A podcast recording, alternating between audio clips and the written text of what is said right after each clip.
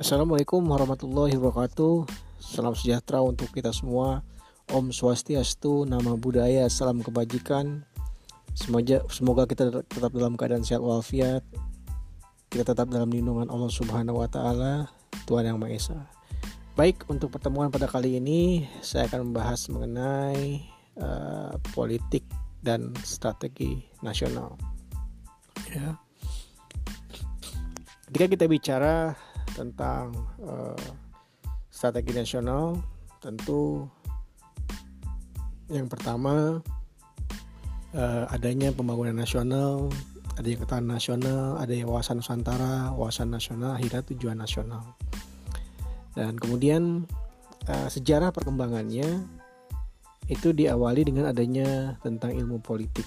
Nah, ilmu politik itu sendiri sudah ada sejak tahun 450 sebelum Masehi, yaitu adanya pemikiran mengenai negara yang telah dimulai di Yunani kuno. Nah, masuknya abad pertengahan, eksistensi ilmu politik mengalami stagnasi.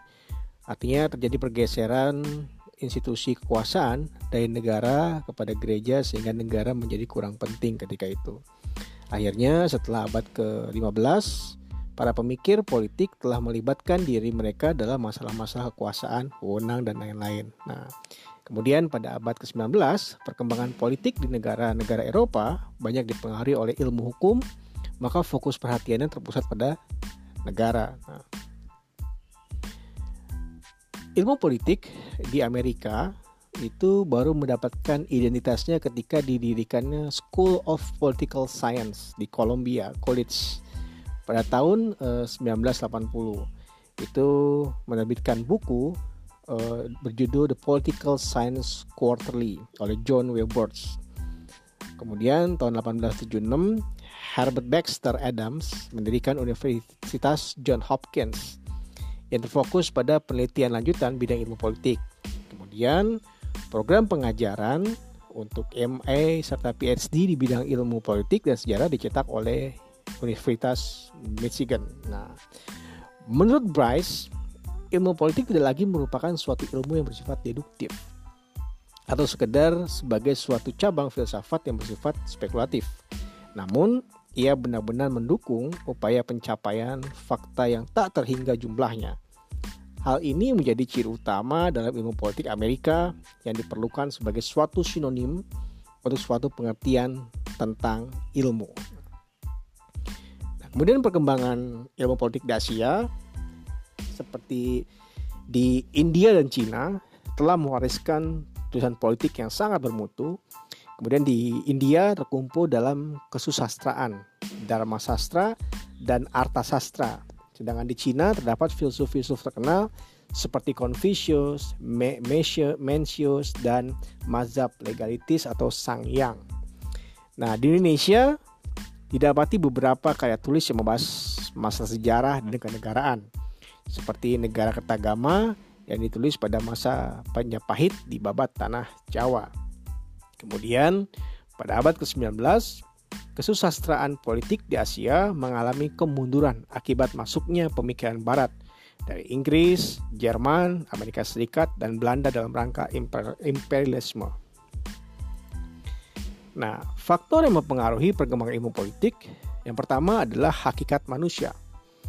Yang kedua, adanya pragmatisme atau tindakan manusia tidak dapat dinilai dari logika, melainkan dari hasil tindak tindakan, perilaku dan sebagainya.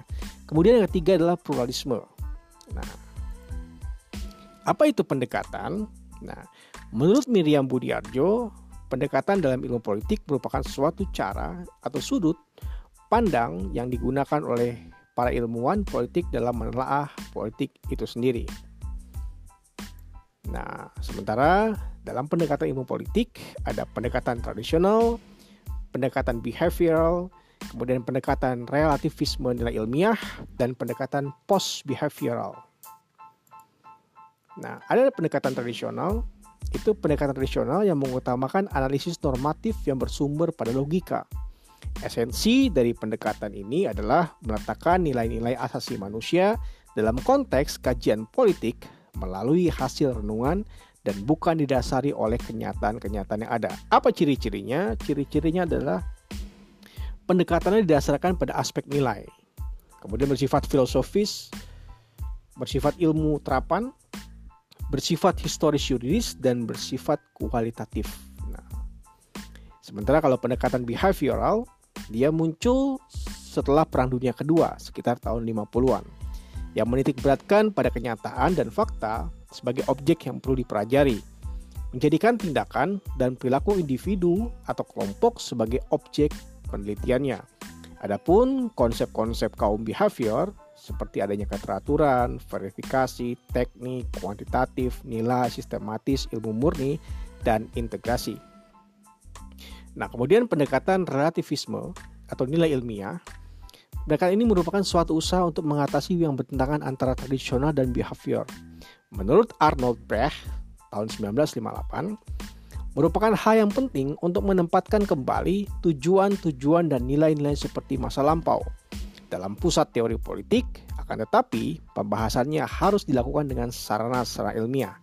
Inti ajaran dari pendekatan relativisme nilai ilmiah adalah sesuatu dianggap ilmiah apabila mempunyai tujuan yang bermanfaat. Kemudian sesuatu dianggap ilmiah apabila hal tersebut dianggap berharga. Sementara pendekatan post behavioral sifat karakternya dalam penelitian politik, substansi atau isi pokok harus mendahului teknik-teknik. Ilmu politik masa kini seharusnya memberikan penekanan utama pada perubahan sosial. Telah melepaskan dirinya dari realitas politik yang sifatnya masih kasar, memberikan penekanan yang begitu besar pada paham-paham keilmian, serta pendekatan yang bebas nilai. Sebagai kaum intelektual, memiliki tanggung jawab untuk melindungi peradaban nilai-nilai kemanusiaan mempunyai komitmen untuk bertindak dan politisasi dari semua profesi dan semua asosiasi profesional. Nah, tadi adalah penjelasan atau pengertian mengenai politik, ya. Nah, sekarang kita akan masuk ke pengertian politik strategi nasional atau Poltrasnas. Politik secara etimologis berasal dari bahasa politia dari Yunani yang berasal dari kata polis Artinya kesatuan masyarakat yang mengatur diri sendiri dan teia itu adalah urusan. Jadi secara terminologis kepentingan umum para warga negara dari suatu negara atau politik suatu kewajiban yang dirumuskan berdasarkan pertimbangan tertentu atau policy. Sementara politik nasional adalah asas, haluan, usaha, kebijaksanaan dari negara-negara dalam rangka mencapai tujuan nasionalnya dengan memanfaatkan secara optimal seluruh potensi sosial yang dimiliki. Nah, pengertian yang lain ya. Secara etimologis eh, strategi secara etimologis dalam adalah dari bahasa Yunani. Artinya yaitu strategos atau the art of general. Ilmu tentang bagaimana menjalankan politik, kiat khusus yang dilakukan untuk memaksimalkan tujuan politik.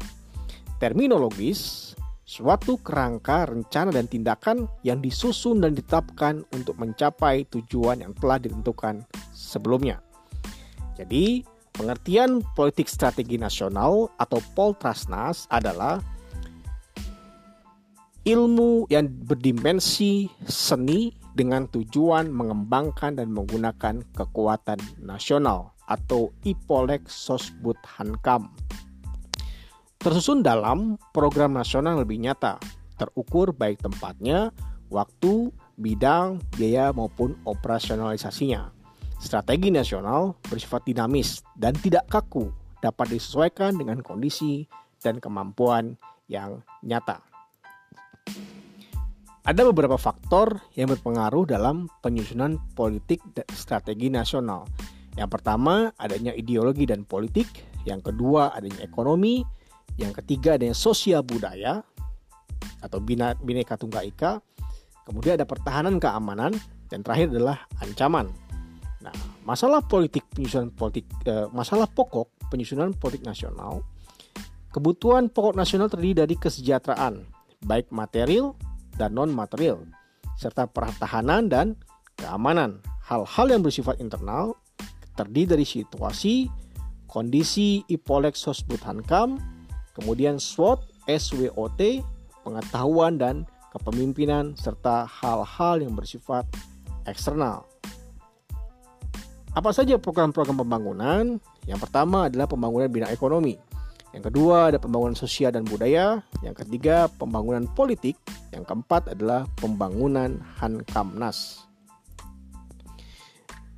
Kebijakan nasional sebelum dan sesudah amandemen UUD 1945. Sebelum amandemen UUD 1945, kebijakan nasional dibuat oleh MPR melalui GBHN. Pelaksanaan kebijakan nasional dilakukan oleh Presiden dan Wakil Presiden sebagai mandataris MPR yang dibantu oleh kabinetnya. Sementara sesudah amandemen UUD 1945, Kebijakan nasional dirumuskan oleh DPR bersama Presiden dalam bentuk program pembangunan nasional atau Propenas. Sedangkan operasionalisasinya diwujudkan dalam bentuk undang-undang.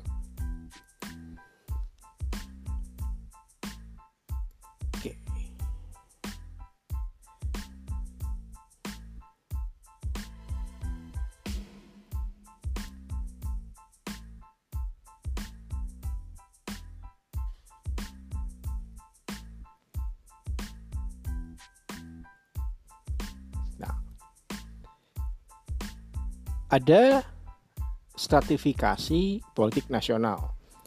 Ada tingkat penentu kebijakan puncak, ada tingkat penentu kebijakan umum, ada tingkat penentu kebijakan khusus, dan tingkat penentu kebijakan teknis. Ya, pengertian seperti apa Anda tinggal membaca di eh, PPT yang sudah saya berikan. Jadi makna pembangunan nasional adalah usaha peningkatan kualitas manusia dan masyarakat Indonesia secara berkelanjutan dengan memanfaatkan kemajuan ilmu pengetahuan dan teknologi serta memperhatikan tantangan perkembangan global. Sementara misi pembangunan nasional adalah mewujudkan Indonesia yang aman dan damai, mewujudkan Indonesia yang adil dan demokratis, serta mewujudkan Indonesia yang sejahtera. Nah, adapun manajemen nasional pada dasarnya merupakan sebuah sistem, sehingga lebih tepat jika digunakan istilah sistem manajemen nasional. Orientasinya adalah pada penemuan dan pengenalan atau identifikasi faktor-faktor strategis secara menyeluruh dan terpadu. Dengan demikian, sistem manajemen nasional dapat menjadi kerangka dasar, landasan, pedoman, serta sarana bagi perkembangan proses pembelajaran atau penyempurnaan fungsi penyelenggaraan pemerintah yang bersifat umum ataupun pembangunan.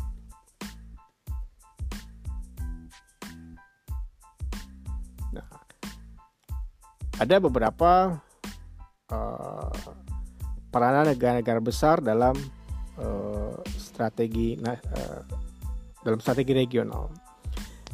Seperti di Asia Tenggara, adanya berbagai konflik yang bersumber dari klaim teritorial, keamanan jalur komunikasi laut dan jalur perdagangan melalui laut, keamanan non tradisional, ya, seperti pembajakan di laut, kemudian penyelundupan senjata atau penangkapan ikan ilegal dan eh, lain sebagainya.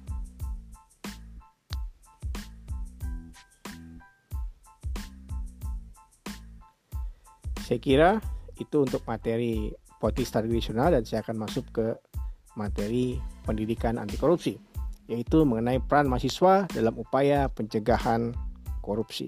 Nah, Sebagai mahasiswa, Anda berada di puncak jenjang pendidikan. Artinya, mahasiswa punya tingkat intelektual, daya kritis, dan etika paling tinggi dari kelompok pembelajar di bawahnya. Keberanian memperjuangkan idealisme tidak diragukan.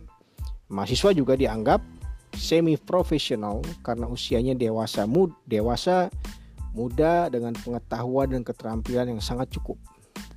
Siap masuk ke dunia kerja, karena itu mahasiswa selalu diandalkan oleh masyarakat untuk memimpin menuju perubahan.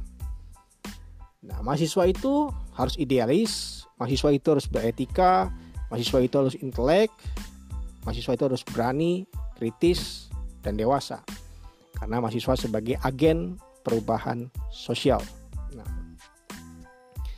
Ternyata peran strategi mahasiswa sepanjang perjalanan bangsa Indonesia setiap momen penting dikawal oleh gerakan mahasiswa. Mahasiswa secara real berperan sebagai agen perubahan atau agent of change. Ya, bagaimana peran mahasiswa itu uh, dari masa ke masa. Gerakan mahasiswa distofia, keramat raya, mari, kami dan lain-lain.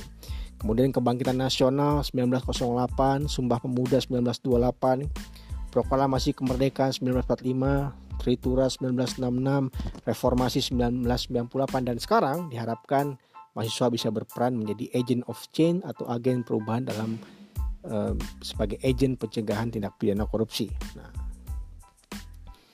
fakta bahwa korupsi masih demikian masif merusak kehidupan negara-negara dan bangsa.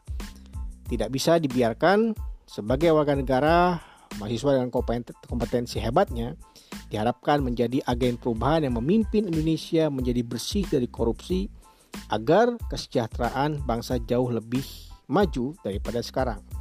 Nah, bagaimana caranya? Caranya adalah perlu perkuat integritas diri pribadi terlebih dahulu sebelum bergerak menuju gerakan anti korupsi ke lingkungan yang lebih luas lagi. Jadi dimulai dari diri sendiri, kemudian keluarga, kemudian kampus, masyarakat sekitar dan negara.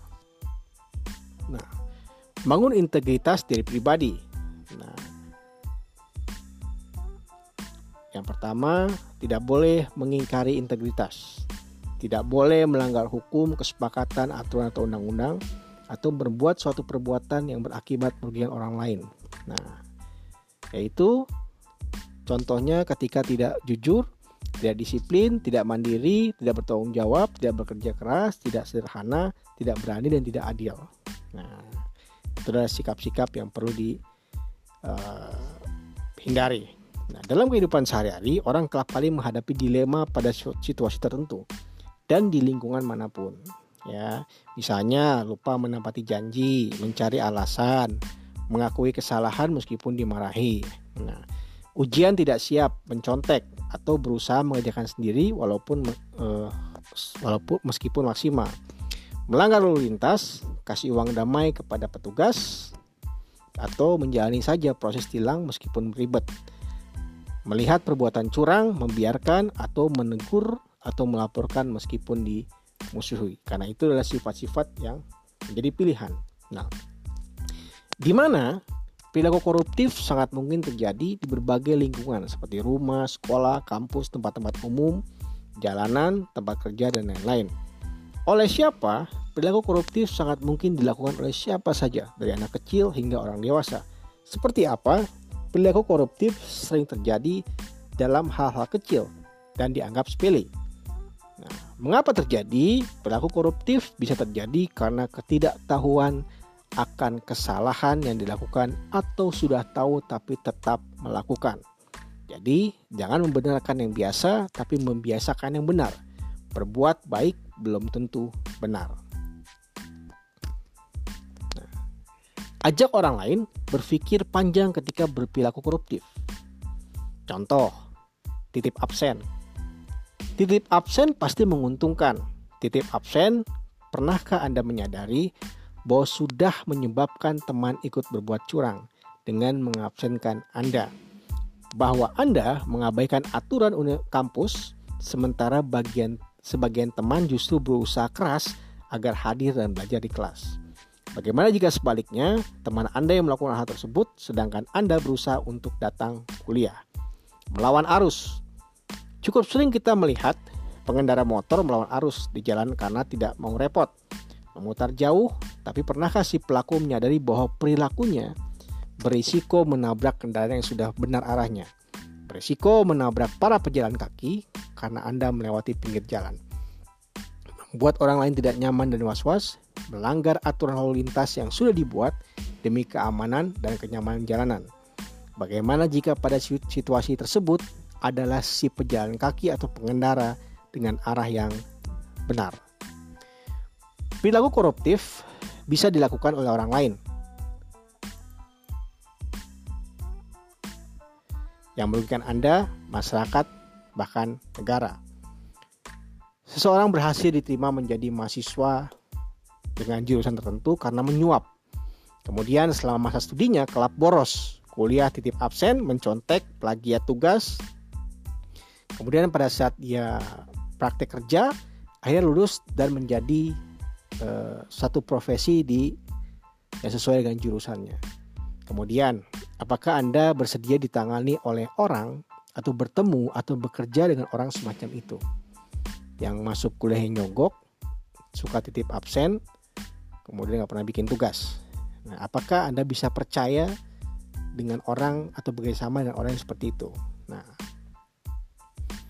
kemudian membangun integritas dari pribadi. Coba Anda renungkan. Memper, misalnya, mempertanggungjawabkan penggunaan uang saku dari orang tua untuk hal-hal yang benar. Menggunakan internet dan media sosial secara benar, menganggap janji adalah sesuatu yang harus ditepati. Bergaya hidup sesuai kemampuan tanpa memaksakan diri. Nah, kemudian coba Anda renungkan, kira-kira selama ini perilaku koruptif apa yang sering saya lakukan? Silakan Anda jawab dalam hati Anda masing-masing. Mari kita berproses memperbaiki integritas diri. Perilaku koruptif, saya melakukan hal-hal yang tidak berintegritas, merugikan diri sendiri dan orang lain hingga melanggar aturan. Kemudian, komitmen memperbaiki perilaku. Saya berniat berjanji mulai berperilaku lebih berintegritas. Konsisten dan berintegritas, saya berusaha terus menjaga integritas diri. Kemudian selanjutnya mengidentifikasi perilaku koruptif di lingkungan tertentu sebagai langkah untuk mengetahui permasalahan. Memahami masalah akan menentukan bagaimana Anda membangun integritas di kalangan tertentu. Nah. Coba Anda amati di kampus.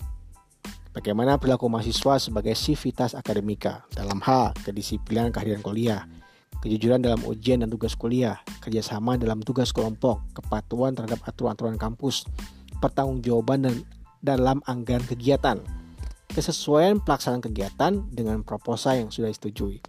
Perilaku koruptif apa saja yang sering terjadi di kampus? Silakan Anda pikirkan, Anda renungkan. Jika hal-hal di atas dilakukan oleh teman Anda, apakah Anda bisa membiarkannya?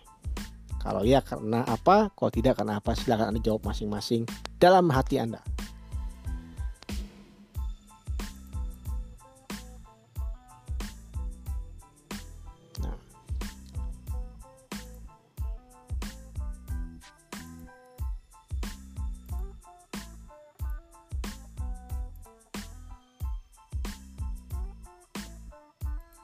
Demikian materi tentang uh, politik strategi nasional dan tentang pendidikan anti korupsi. Terima kasih. Assalamualaikum warahmatullahi wabarakatuh.